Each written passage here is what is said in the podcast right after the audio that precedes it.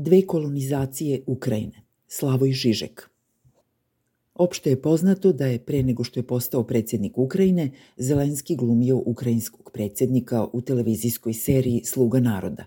Mnogi ga zbog toga ne shvataju ozbiljno, kao da je uverljiviji predsjednik koji je bivši službenik KGB-a. Osnovni zaplet te serije je manje poznat – Zelenski je glumio Vasilija Petrovića Goloborotka, školskog učitelja čiji učenici snimaju njegovu tiradu o korupciji, dele video na mreži gde postaje viralan, a zatim ga prijavljuju kao kandidata na predsedničkim izborima – Pošto se nesvesno obratio sveopštoj frustraciji Ukrajinaca zbog korupcije, Goloborotko pobeđuje dok ga na funkciji čekaju peripetije ubrzanog učenja novog posla i upoznavanja sa oligarhijom iz novog ugla pozicije moći. Prikaz Ukrajine u ovoj seriji odgovara realnosti. Od svih postkomunističkih zemalja u istočnoj Evropi, ona je 90-ih bila najteže pogođena ekonomskom šok terapijom, temeljnim tržišnim reformama i privatizacijom. Tri decenije od sticanja nezavisnosti, ukrajinski prihodi su ostali ispod nivoa iz 1990.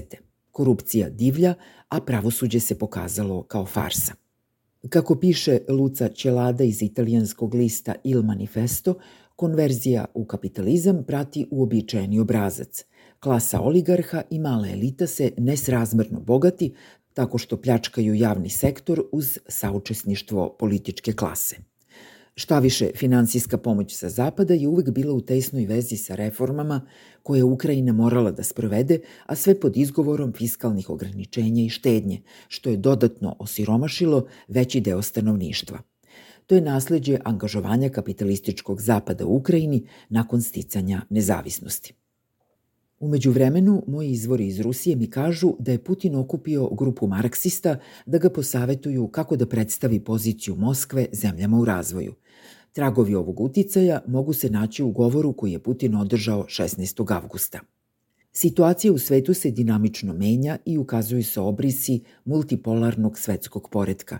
Sve više zemalja i naroda bira put slobodnog i suverenog razvoja zasnovanog na vlastitom zasebnom identitetu, tradiciji i vrednostima – Ovim objektivnim procesima se suprotstavljaju zapadne globalističke elite koje izazivaju haos, raspiruju dugotrajne i nove sukobe i vode takozvanu politiku obuzdavanja, koja je u stvari subverzija svake alternativne, suverene razvojne opcije. Ovu marksističku kritiku kvare dva detalja. Prvo, Suverenitet zasnovan na vlastitom zasebnom identitetu, tradiciji i vrednostima podrazumeva da treba tolerisati ono što Rusija čini u Severnoj Koreji ili Afganistanu. To je u direktnoj suprotnosti sa istinskom levom solidarnošću koja se fokusira na antagonizam unutar svakog zasebnog identiteta kako bi se ugnjetene grupe u različitim zemljama međusobno povezale. Drugo, Putin se protivi subverziji svake alternativne suverene razvojne opcije, iako on upravo to radi u Ukrajini, ukidajući pravo na samoopredeljenje. Putin nije sam u promociji ove pseudomarksističke linije. Liderka krajnje desnice u Francuskoj, Marine Le Pen, predstavlja se kao zaštitnica radnih ljudi od multinacionalnih korporacija koje potkopavaju nacionalni identitet kroz promociju multikulturalizma i seksualne izopačenosti.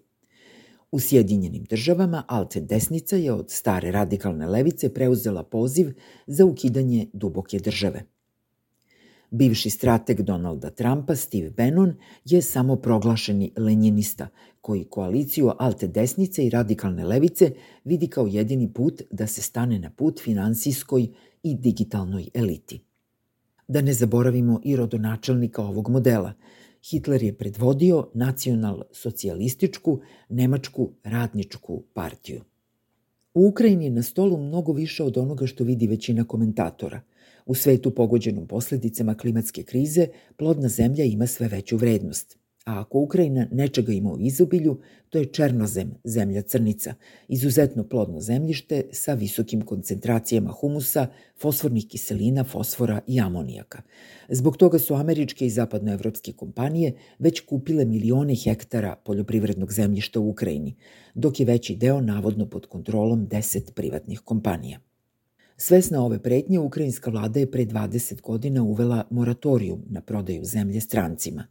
Američki State Department, Međunarodni monetarni fond i Svetska banka godinama zahtevaju da se ovo ograničenje ukine.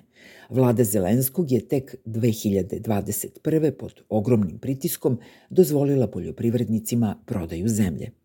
Ali moratorijum na prodaju strancima ostao je na snazi.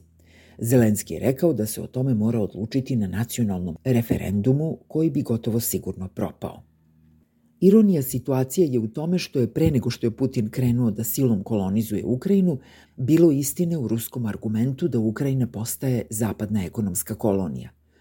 Ako se iz ovog sukoba može izvući bilo kakva korist, to je suspenzija neoliberalnog projekta – Budući da zahteva društvenu mobilizaciju i koordinaciju proizvodnje, rat u Ukrajini nudi jedinstvenu šansu da zaustavi prelazak svoje zemlje u ruke stranih korporativnih i finansijskih entiteta i da se otarasi oligarhijske korupcije. U nastojanju da iskoriste tu šansu, Ukrajinci treba da imaju na umu da nije dovoljno samo učlaniti se u Evropsku uniju i dostići životni standard Zapada. Sama zapadna demokratija je danas u dubokoj krizi gde Amerika naginje ka ideološkom građanskom ratu, a Evropu muče autoritarci iz vlastitih redova. Ako Ukrajina uspe da ostvari odlučujuću vojnu pobedu, čemu se svi nadamo, uspeće to zahvaljujući Americi i Evropi. Da li će tada moći da se odupre još većem pritisku da se otvori ekonomskoj kolonizaciji zapadnih multinacionalnih kompanija? Ova borba se već odvija ispod površine herojskog otpora Ukrajine. Bilo bi tragično kada bi Ukrajina pobedila ruski neoimperializam samo da bi se priklonila zapadnom neoliberalizmu. Da bi obezbedila istinsku slobodu i nezavisnost, Ukrajini je potrebno temeljno preispitivanje. Mada je svakako bolje biti zapadna ekonomska kolonija nego biti absorbovan u novo rusko carstvo, nijedan od tih ishoda nije vredan stradanja kojim su Ukrajinci sada izloženi.